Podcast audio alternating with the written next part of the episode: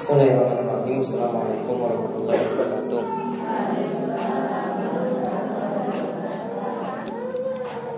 Alhamdulillahirabbil alamin. Hamdan katsiran thayyiban barakan fi kama yuhibbu rabbuna wa.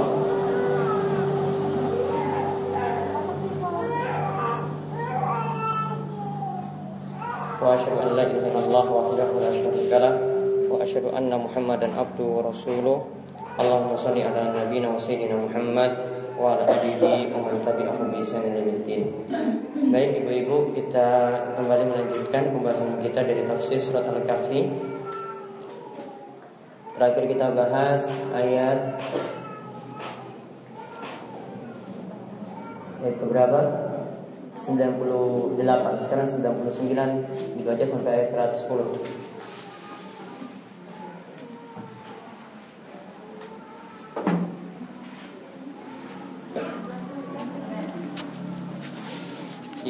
Ayat 110.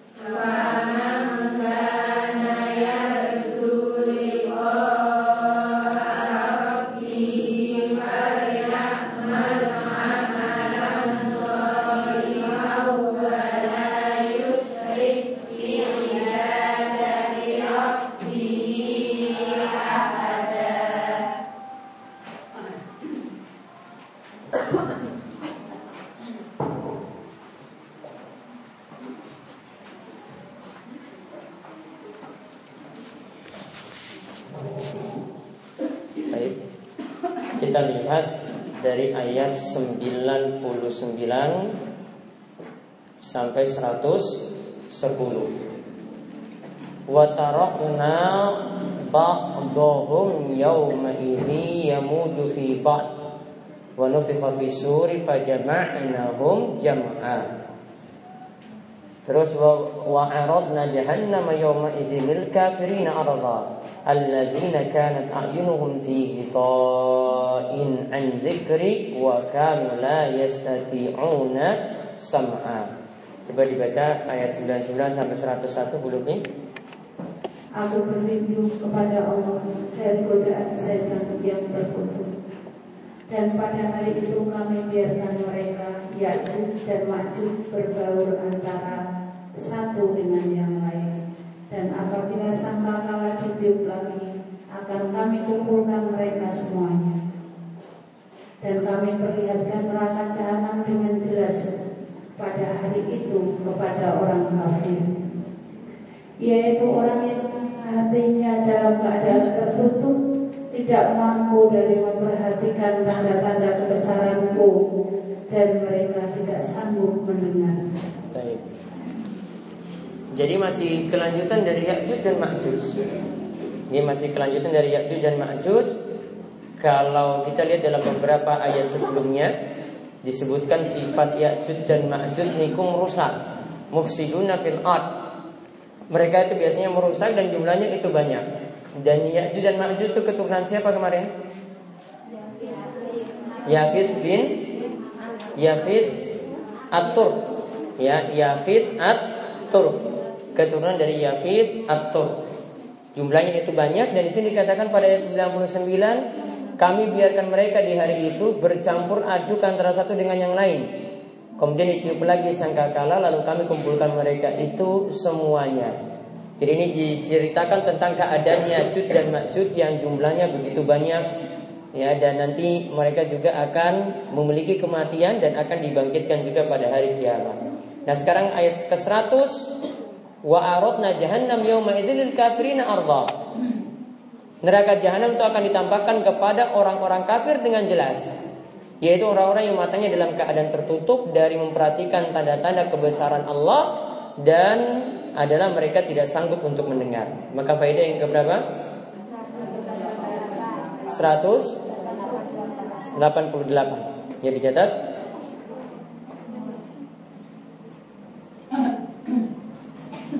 Ketika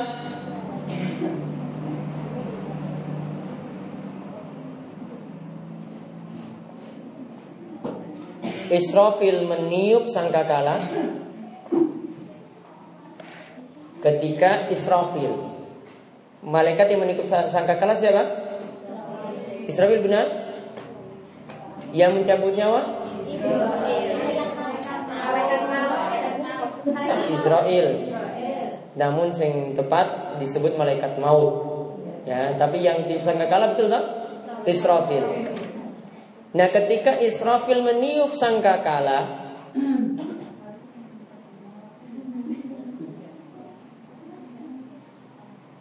Maka roh Maka roh Akan dikembalikan pada jasad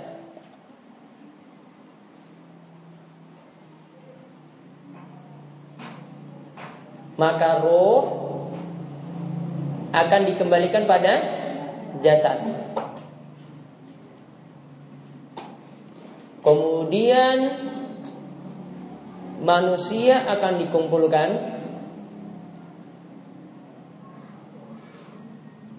Kemudian manusia akan dikumpulkan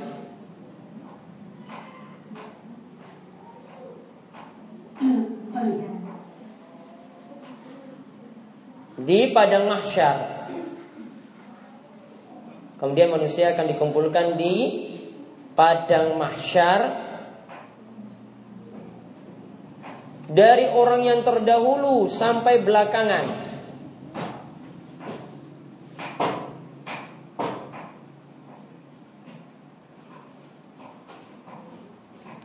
Dari orang yang terdahulu sampai orang yang belakangan baik mukmin maupun kafir.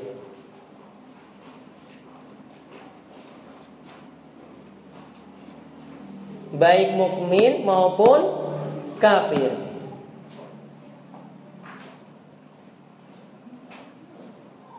Di mana mereka semua akan dihisap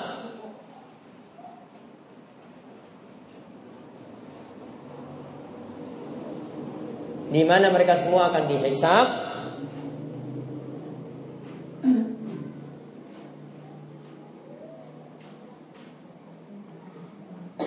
dan akan ditimbang. Akan dihisap dan akan ditimbang. Sangkakala nanti akan ditiup berapa kali? Akan ditiup berapa kali? Dua kali. Yang pertama untuk mematikan seluruh makhluk. Kemudian yang kedua, ya ini yang kita bahas untuk menghidupkan lagi. Yaitu yang disebut tadi jam'a. Yaitu untuk mengumpulkan manusia ketika itu mereka dihidupkan lagi dan dikumpulkan ketika itu. Nah, sekarang pada ayat yang selanjutnya disebutkan balasan untuk orang beriman dan balasan untuk orang kafir. Sekarang faedah ke 189.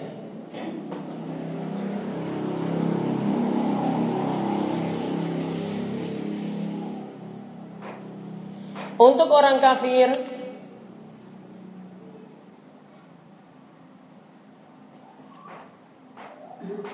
Untuk orang kafir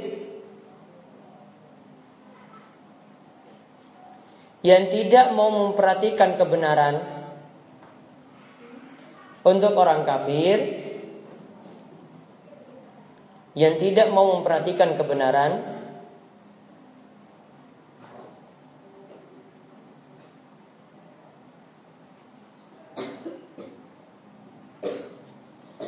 maka mereka akan ditampakkan neraka. Maka mereka akan ditampakkan neraka.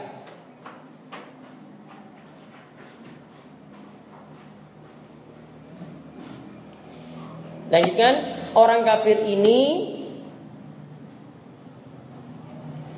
tidak mau mendengar ayat-ayat Allah.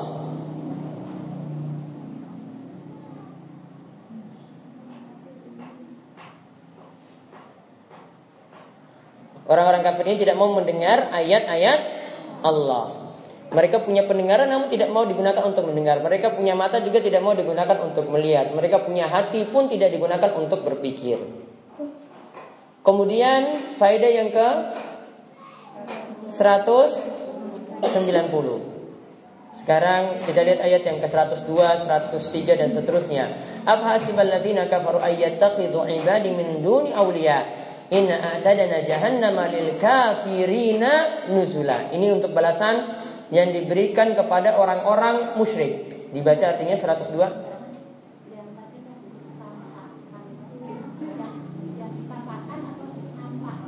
Ditampakkan. Ini belum masuk baru ditampakkan. Jadi dia ketika dikumpulkan tuh sudah ada bayang-bayang itu loh. Oh ini tempat kembalimu di sini. Baru ditampakkan belum, ini belum belum selesai. Namun mereka sudah ditampakkan sebagaimana di alam kubur. Orang kafir juga sudah ditampakkan ini tempat kembalimu, walaupun belum masuk. Jadi sudah ditampakkan ini loh gambaran nanti tempat kembalimu seperti ini. Orang beriman juga dimulai dari alam kubur itu sudah ditampakkan ini tempat kembalimu nanti di surga seperti ini seperti itu. Belum masuk baru ditampakkan. Maksud arotna itu ditampakkan. Ini loh. Nanti kalau sudah dihisap, sudah ditimbang amalannya, baru selesai. Baru dimasukkan ke dalam neraka atau yang tadi dimasukkan dalam surga. Nah sekarang untuk orang musyrik yang pertama. Dibaca ayat 102 belum?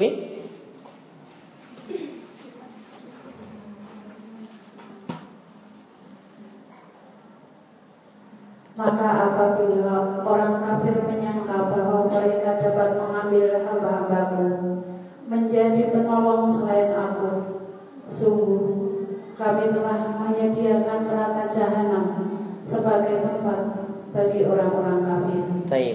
Ini balasan untuk orang-orang musyrik. Maka 190 balasan bagi orang-orang yang berbuat syirik.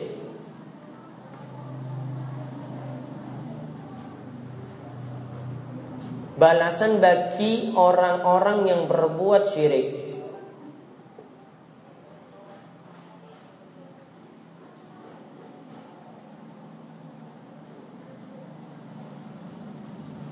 Tempat kembalinya adalah neraka. Tempat kembalinya adalah neraka.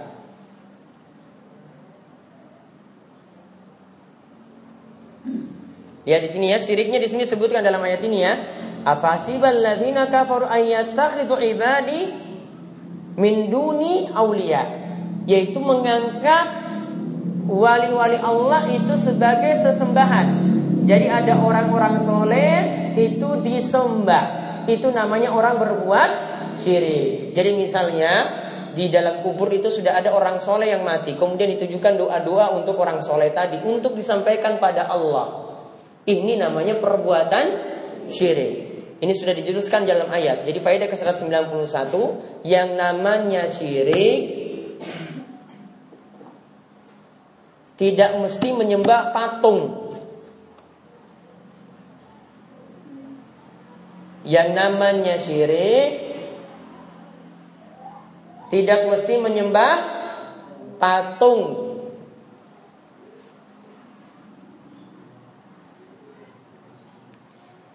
Menjadikan orang soleh atau wali Allah. Atau wali Allah. Sebagai sesembahan atau wali Allah sebagai sesembahan juga termasuk syirik.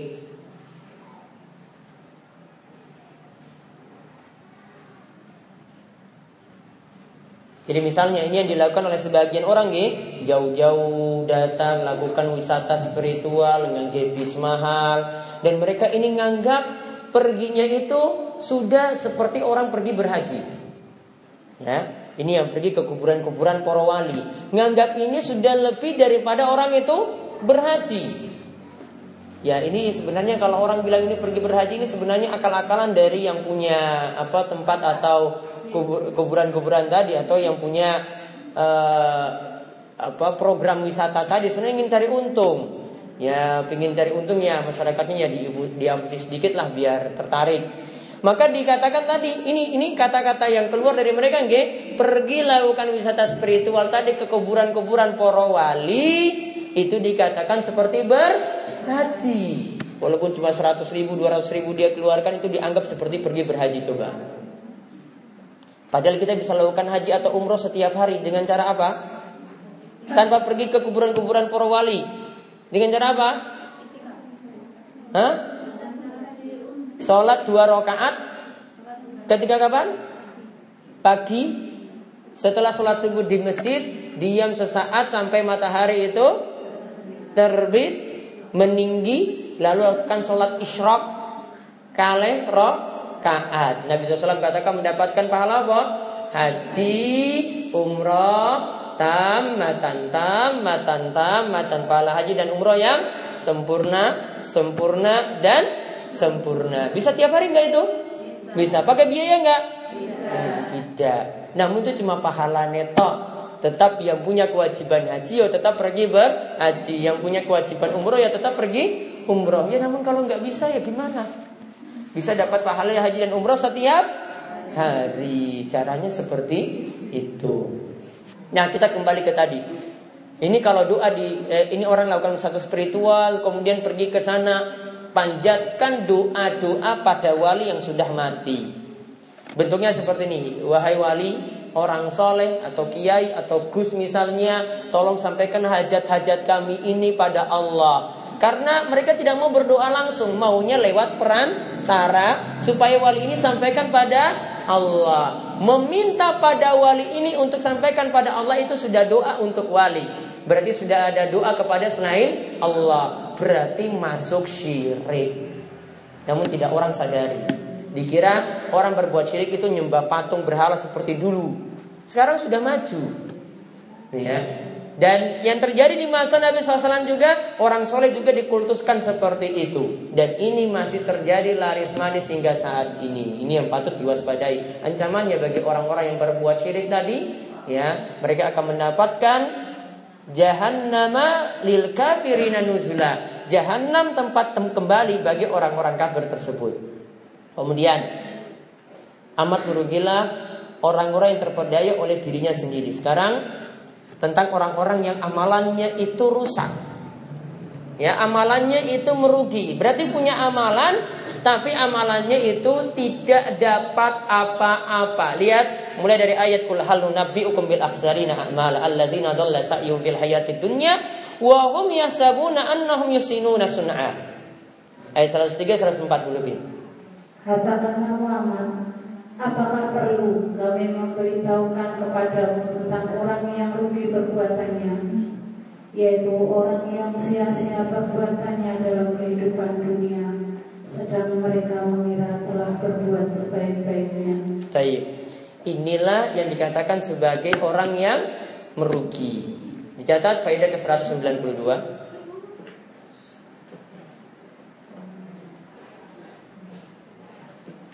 Faedah ke-192 ayat ke-103.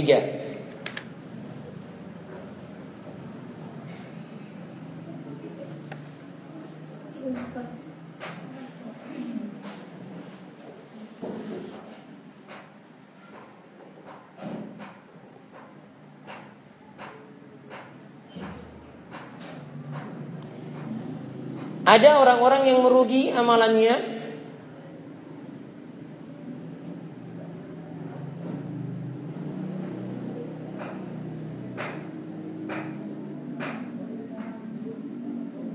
Ada orang-orang yang merugi amalannya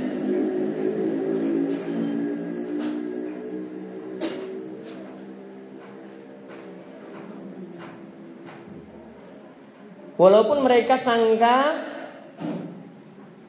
amalan mereka itu adalah amalan yang baik.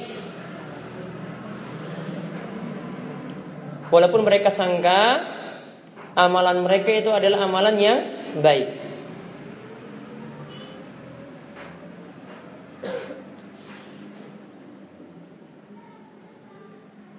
Nah, nanti di sini disebutkan dulu. Kita baca lengkap sampai ayat ini sebenarnya sampai ayat terakhir. Yang pertama dicatat dulu. Yang pertama orang-orang yang melatnya merugi. Yang pertama orang yang mengingkari ayat-ayat Allah. Orang yang mengingkari ayat-ayat Allah.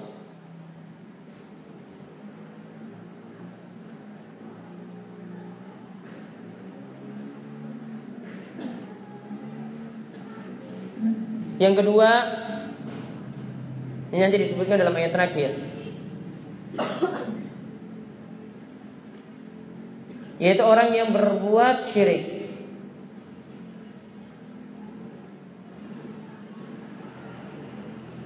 Orang yang berbuat syirik. Kemudian yang ketiga, orang yang banyak amalan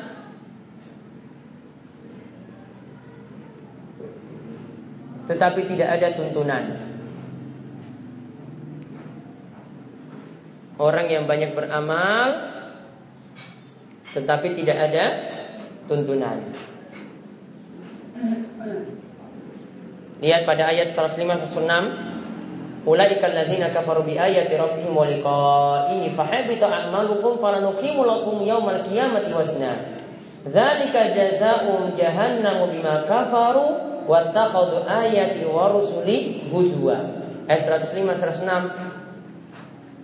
Mereka itu adalah orang yang mengingkari ayat-ayat Tuhan mereka dan tidak percaya terhadap pertemuan dengannya.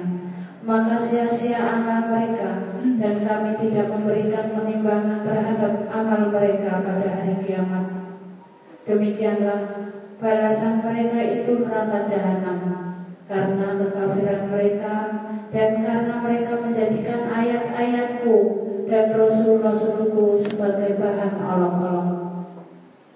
Nah, itu menunjukkan yang pertama tadi orang-orang yang mendustakan ayat-ayat Allah Subhanahu wa taala. Kemudian faedah yang ke-193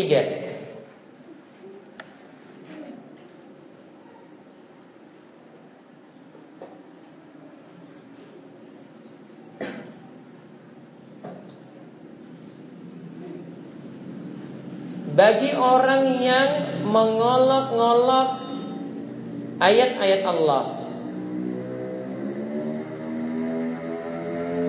Bagi orang yang mengolok-ngolok ayat-ayat Allah. Dan mengolok-ngolok Rasul. Dan mengolok-ngolok Rasul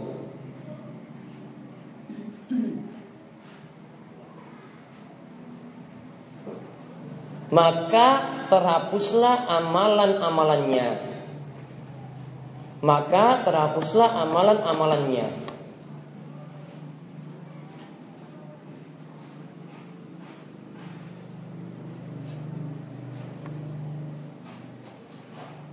Nah sekarang balasan untuk orang beriman. Innal ladzina amanu wa amilus solihati kanat lahum jannatul firdausi nuzula khalidina fiha la yabghuna anha haywala 107 108 lebih Sungguh orang yang beriman dan mengerjakan kebajikan untuk mereka disediakan surga Firdaus sebagai tempat tinggal. Mereka kekal di dalamnya. Mereka tidak ingin pindah dari sana. Taib itu balasan untuk orang-orang beriman.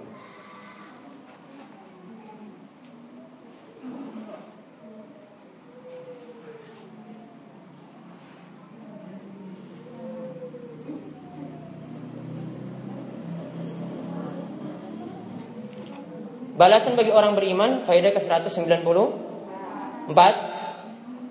Balasan bagi orang beriman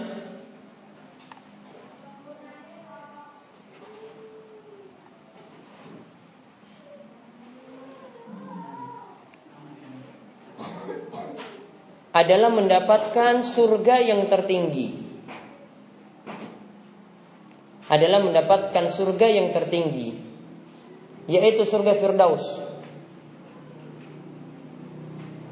Mendapatkan surga yang tertinggi yaitu surga Firdaus.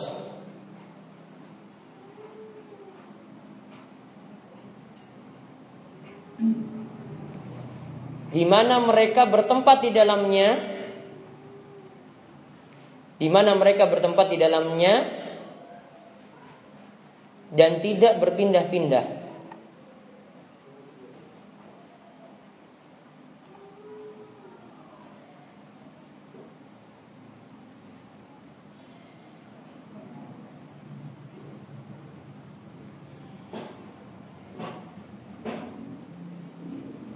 Terus faedah yang ke-195 surga Firdaus adalah surga yang paling tinggi.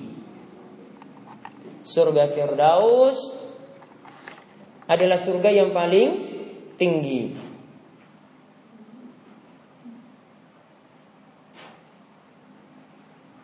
Di mana kita diminta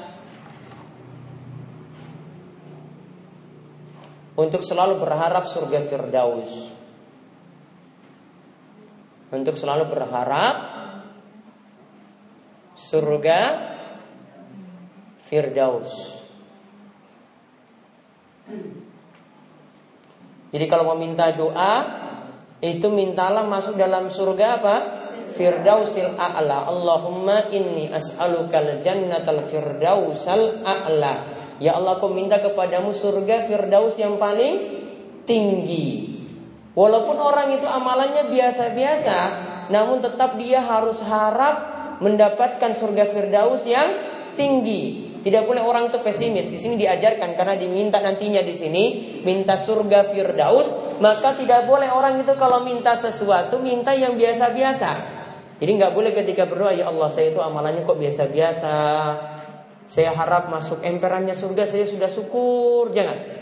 Harus punya optimis yang tinggi, minta juga surga yang tinggi ketika itu. Minta supaya dimasukkan dalam surga Firdaus dan surga Firdaus paling tinggi di atas surga Firdaus adalah ars Allah di atas ars Allah lah itulah Allah menetap tinggi di atasnya jadi di atasnya itu Allah subhanahu wa ta'ala dan Allah maha tinggi di atas seluruh makhluknya kemudian faedah yang berikutnya lagi sekarang ayat yang membicarakan tentang luasnya ilmu Allah luasnya ilmu Allah itu tidak tak, eh, luasnya ilmu Allah itu tak terhingga Qul law kana al-bahru midada li kalimati rabbi lanafidal bahru qabla an tanfada kalimatu rabbi walau ji'na bimislihi madada.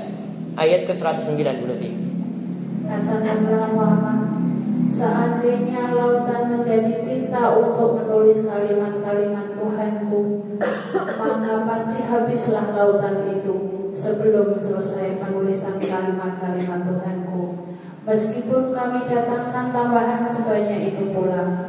Katakanlah Muhammad Sesungguhnya aku ini hanya seorang manusia seperti kamu Yang telah menerima wahyu Bahwa sesungguhnya Tuhan kamu adalah Tuhan yang Maha Esa Maka barang siapa mengharap pertemuan dengan Tuhannya Maka hendaklah dia mengerjakan kebajikan Dan jangan mempersekutukan dengan sesuatu pun Dalam beribadah kepada Tuhannya Baik.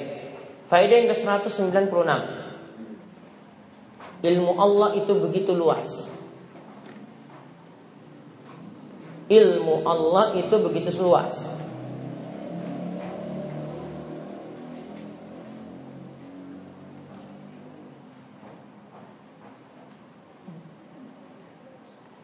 Di mana ilmu tersebut di mana jumlah eh, di mana ilmu tersebut sulit digapai oleh makhluknya. Sulit digapai oleh makhluknya.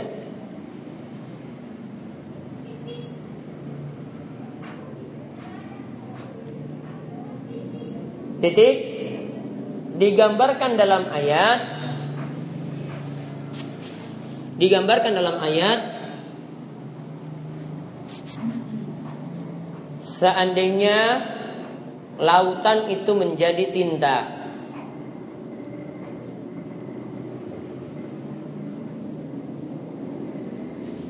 Kemudian pohon-pohon kemudian pohon-pohon itu menjadi penanya.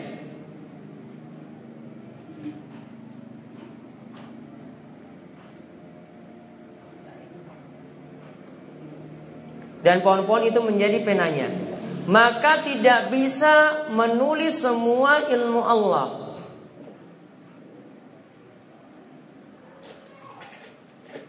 Maka tidak bisa menulis semua ilmu Allah.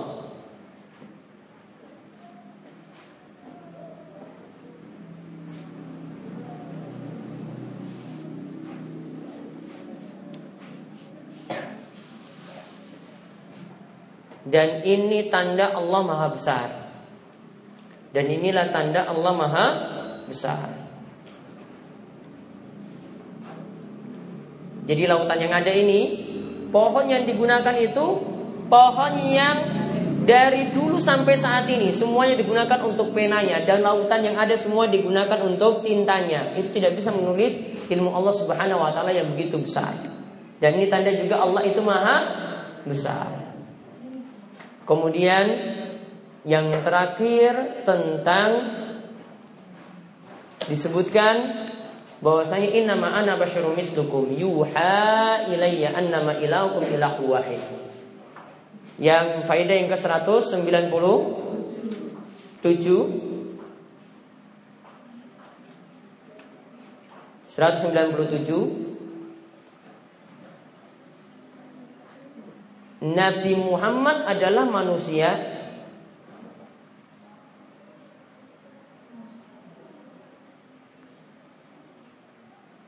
dan bukan Tuhan.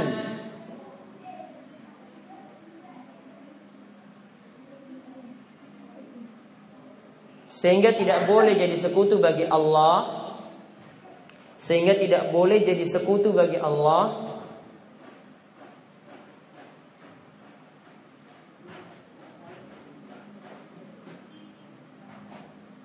sehingga tidak boleh jadi sekutu bagi Allah. Titik. Faedah ke 198. Walaupun Nabi Muhammad adalah manusia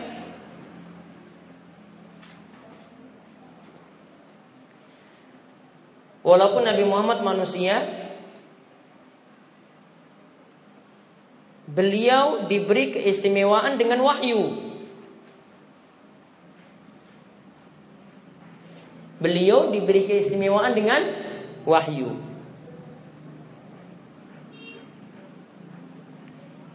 Sehingga kalau demikian berarti ya, sehingga Nabi Muhammad tidak boleh didustakan. Sehingga Nabi Muhammad tidak boleh didustakan dan syariatnya wajib diikuti.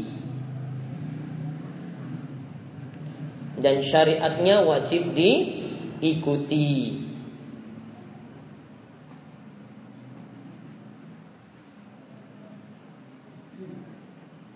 Kemudian yang ke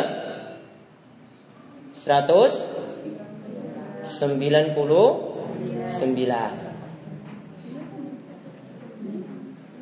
Semuanya pasti berjumpa dengan Allah. Semuanya pasti berjumpa dengan Allah.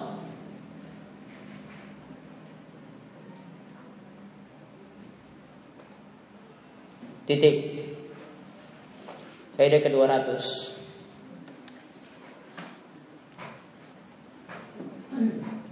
Untuk berjumpa dengan Allah Untuk berjumpa dengan Allah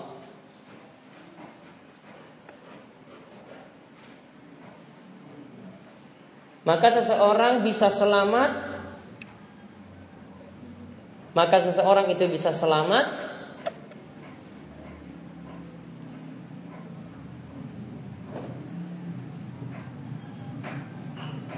Maka seorang itu bisa selamat jika amalannya jika amalannya mencocoki syariat. Jika amalannya mencocoki syariat. Yaitu bila memenuhi dua syarat. Yaitu bila memenuhi dua syarat.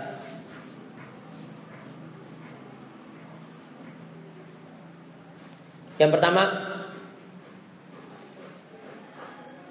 wala yusyrik bi ibadati rabbih ahada. Yang pertama, tidak berbuat ria.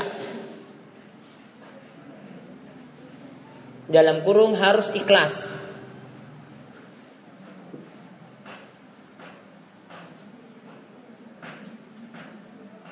Dalam kurung harus ikhlas.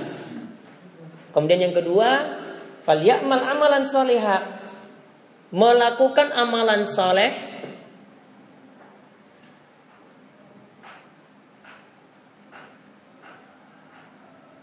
melakukan amalan soleh yang sesuai tuntunan. Yang sesuai tuntunan. Jadi kalau dia ingin selamat tadi berjumpa dengan Allah, maka amalannya tadi harus mencocoki syariat. Syaratnya tadi biar bisa diterima, maka syaratnya ada dua. Yaitu yang pertama, tidak ria. Artinya harus ikhlas. Yang kedua, faliyamal amalan soleh, lakukanlah amalan soleh. Yaitu diperintah untuk amalannya sesuai dengan tuntunan Nabi Shallallahu Alaihi Wasallam. Kalau tidak ada tuntunan maka tidak diterima amalannya. Kemudian berkaitan dengan Idul Fitri, seandainya Idul Fitri jatuh pada hari Jumat, ya bagi yang melaksanakan sholat Id ya bagi yang telah melaksanakan sholat id nanti ini diberitahu kepada suaminya maka dia boleh memilih tidak melakukan sholat jumat Ya, boleh memilih tidak melakukan sholat Jumat. Sebagaimana dari riwayat dari Ibnu Az-Zubair, dia pernah melakukan sholat Id, kemudian dia ketika itu tidak melakukan sholat Jumat. Namun Ibnu Az-Zubair itu melakukan sholat sendirian di rumah. Kalau dikatakan sholat sendirian di rumah berarti dia sholat apa? Sholat zuhur. Ya, disebutkan ya dia itu intinya sholat zuhur karena dia tidak mungkin sholat sendirian di rumah untuk sholat Jumat. Gak mungkin kan sholat Jumat sendiri di rumah gak mungkin. Berarti kalau orang sudah sholat Id, kemudian untuk sholat Jumatnya dia memilih tidak hadir, maka dia diperintah untuk mengganti sholat zuhur. Dan kalau ada fatwa yang katakan dia jadi gugur sholat zuhurnya juga, ini fatwa yang nyeleneh, ini fatwa yang ngawur, ini fatwa yang keliru. Ya, ini fatwa yang keliru. Jadi kalau orang sudah melaksanakan sholat id, sholat jumatnya itu bisa jadi gugur, dia ganti dengan sholat apa? Sholat zuhur. Namun dalam mazhab Imam Syafi'i tetap diperintahkan untuk menghadiri sholat Jumat. Bahkan dikatakan tetap wajib. Namun pendapat yang lebih tepat tadi. Namun kalau dalam mazhab Syafi'i tetap wajib. Nah kalau dikatakan wajib ya berarti tetap harus hadir. Begitu juga berarti di masjid harus juga diadakan sholat Jumat harus diadakan sholat Jumat karena nanti kalau semuanya memilih wah kita nggak usah sholat ini saja ya nggak usah sholat Jumat saja nanti kalau ada yang belum sholat id bagaimana tetap dia ketika itu harus melaksanakan sholat Jumat dia tidak dapat keringanan seperti yang disebutkan tadi itulah keutamaan kalau sholat Idul Fitri dilakukan pada hari Jumat bisa menggugurkan sholat Jumat tadi. Ini di antara keistimewaan hari Jumat yang terdapat pada eh, sholat id yang terdapat pada hari Jumat. Itu salah satu keutamaannya seperti itu. Kalau seandainya sudah terlihat hilal pada hari Kamis besok, ya, karena besok baru diadakan sidang isbat saking pemerintah, baru diputuskan nantinya eh, kapan kita itu berhari raya. Ya, apakah hari Jumat atau hari Sabtu? Namun kemungkinan besarnya itu hari Jumat. Kemungkinan besar. Kemungkinan kecilnya itu ada juga tidak terlihat hilal. Ya mudah-mudahan ya derajatnya itu tinggi sehingga bisa bareng-bareng. Ya mudah-mudahan. Saya nggak bisa putuskan nanti Menteri Agama yang putuskan. Namun derajatnya tidak sampai empat.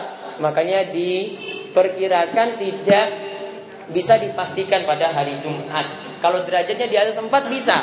Namun kalau ini derajatnya masih di bawah 4 derajat untuk perhitungan hisapnya. Ya, untuk perhitungan hisapnya masih di bawah 4 namun sudah di atas 3 derajat.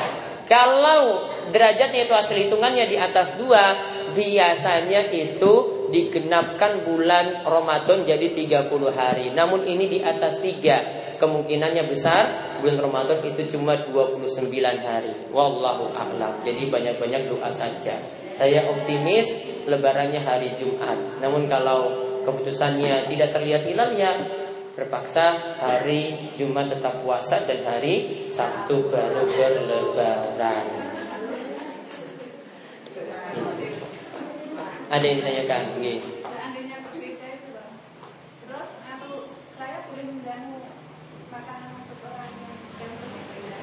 Ya silakan menjamu bilang aja saya enggak ini ya ikut. Boleh menjamu boleh, menjamu bukan masalah. Bilang lagi puasa.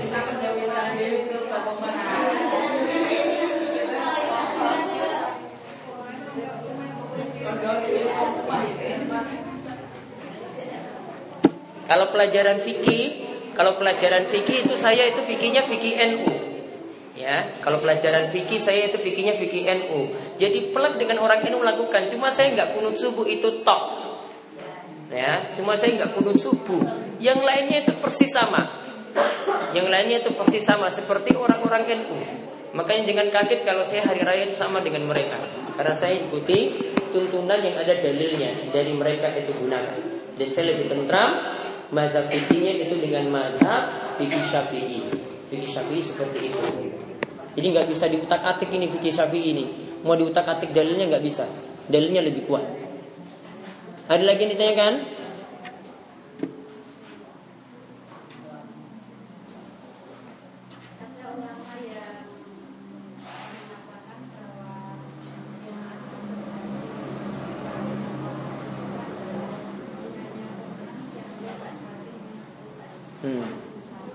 Illa man atallaha biqalbin salim. Kecuali orang yang mendatangi Allah dengan hati yang bersih.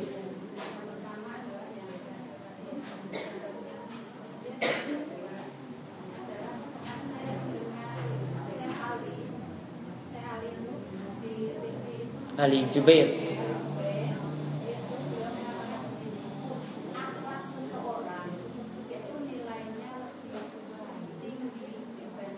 ibadahnya. Iya.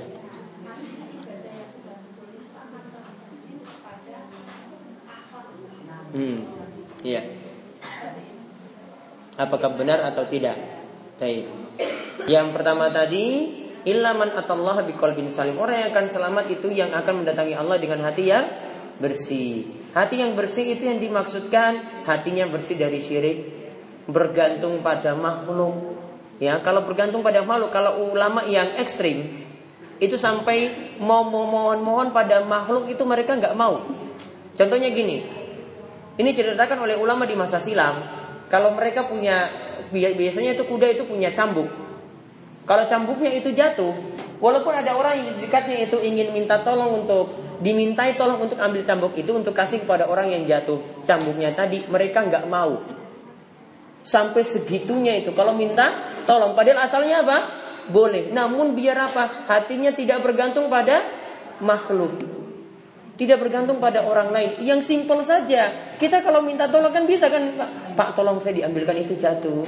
Ini nggak mau. Apa tujuannya kok sampai nggak mau seperti itu? Biar tidak banyak bergantung pada makhluk. Kalau seperti ini dia tidak bergantung, maka yang lebih daripada itu dia tidak mungkin datang ke kuburan minta-minta pada orang yang ada dalam kubur, nggak mungkin. Pasti ber bersih seperti tadi. Ini menunjukkan juga bahwasanya kalau orang itu ingin imannya itu benar, belajar untuk mandiri, tidak banyak minta tolong pada orang lain dan juga dia jangan banyak mengeluh. Ya dan juga jangan banyak mengeluh. Apalagi jangan mengeluhnya tadi itu dinampakkan pada manusia.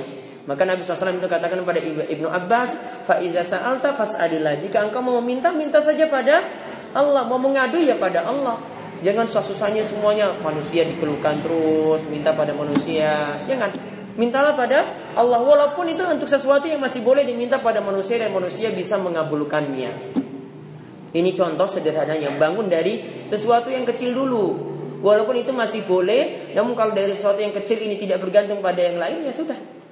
Yang lainnya pasti yang besar yang lebih parah-parah lagi dia tidak bergantung pada yang lainnya. Ya.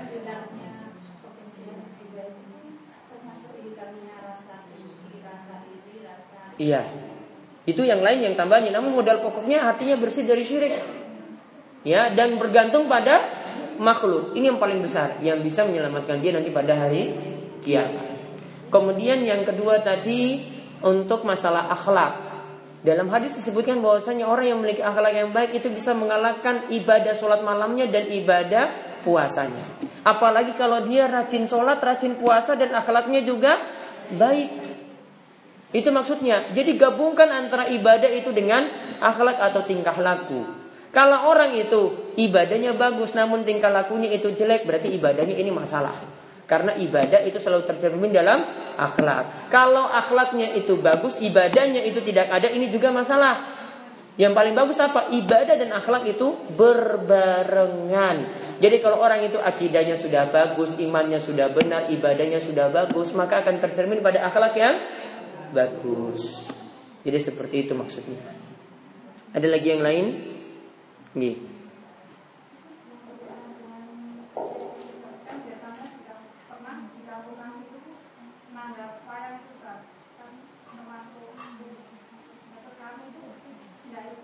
Wayangnya apa bentuknya? Oh, belum tentu. Dirinci. Ya. Dan dari sisi dia cuma main-main saja, dari sisi main-main saja, mungkin dari sisi musiknya yang tercela. Ya, Kecuali kalau situ ada ritual-ritual yang masalah itu jatilan. Ya masalah itu jatilan kalau dari sisi budaya itu masalah itu jatilan yang besar. Karena apa? Dalamnya ada syirik minta tolong pada jin. Kalau wayang cuma main-main wayang saja biasa. Dari sisi syiriknya tidak ada. Nah itu beda lagi. Kalau sekedar main wayang tidak. Namun kalau ada minta tolong pada makhluk untuk diturunkannya hujan, nah ini baru bermasalah. Jadi dirinci apa yang terjadi di dalamnya. Ada ritual ibadah atau tidak, ada minta tolong pada selain Allah atau tidak.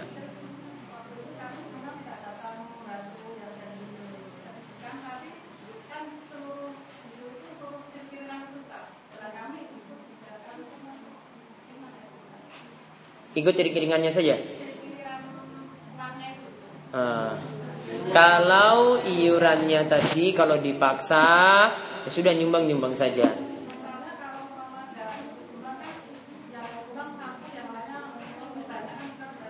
Ya berarti kan terpaksa. Mudah-mudahan itu dimanfaat, mudah-mudahan dimaafkan. Ya sudah nyumbang-nyumbang saja. Ya karena dalam keadaan terpaksa. Kalau nggak seperti itu nanti kita dipaksa lagi dengan cara yang lain. Ada lagi? Nggih.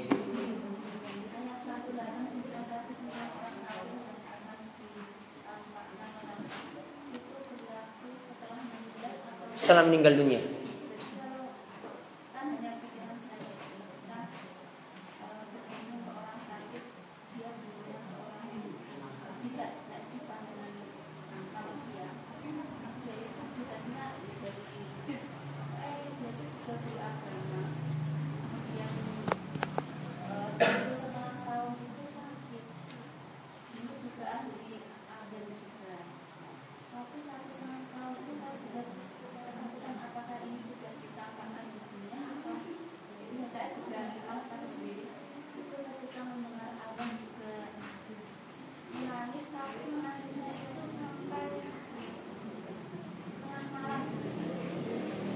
Tapi dia nggak ibadah apa-apa.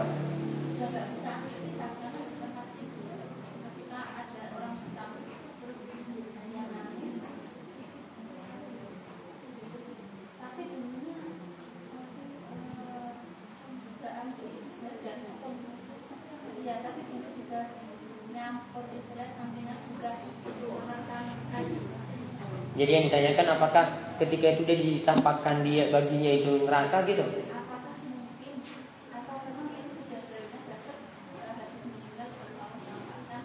Walau alam kalau dari dalil yang ada nanti di alam kubur baru mulai ditampakkan. Kalau di dunia belum. Ya di dunia itu belum. Jadi itu mungkin cuma bayangan dia saja. Kalau dia pikir saya kok kayak ditampakkan neraka itu cuma bayangan dia. Namun sejatinya bukan. Iya habis meninggal dunia. Dan juga nanti ketika amalannya itu akan dihitung. Ada lagi? Yang lainnya, bibi yang lainnya? Jadi berapa faedah tadi? 200 Dari tahun lalu kan? Oh bulan 7 sampai bulan? 7 Ini ibu-ibu masih banyak loh yang ini ikut. Dulu itu waktu saya selesaikan satu kitab Dengan guru saya itu Pas eh, awal-awal itu banyak. Terakhir saya cuma seorang diri.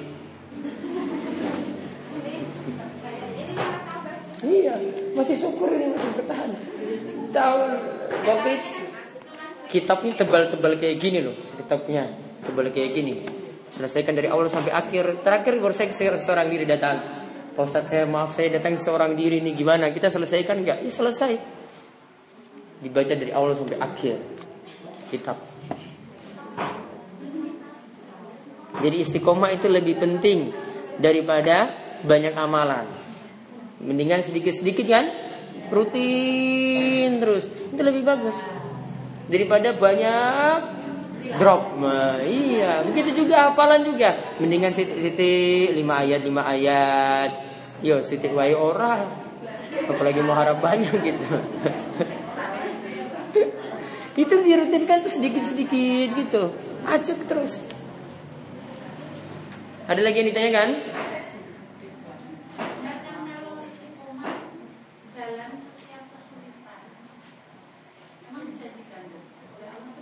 Iya.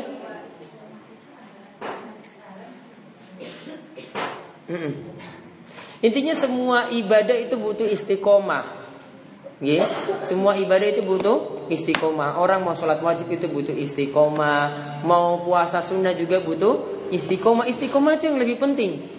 Makanya Ibnu Taimiyah itu sampai mengatakan wali Allah yang disebut wali Allah itu adalah orang-orang yang bisa istiqomah. Itu sudah jadi karomah yang terbesar.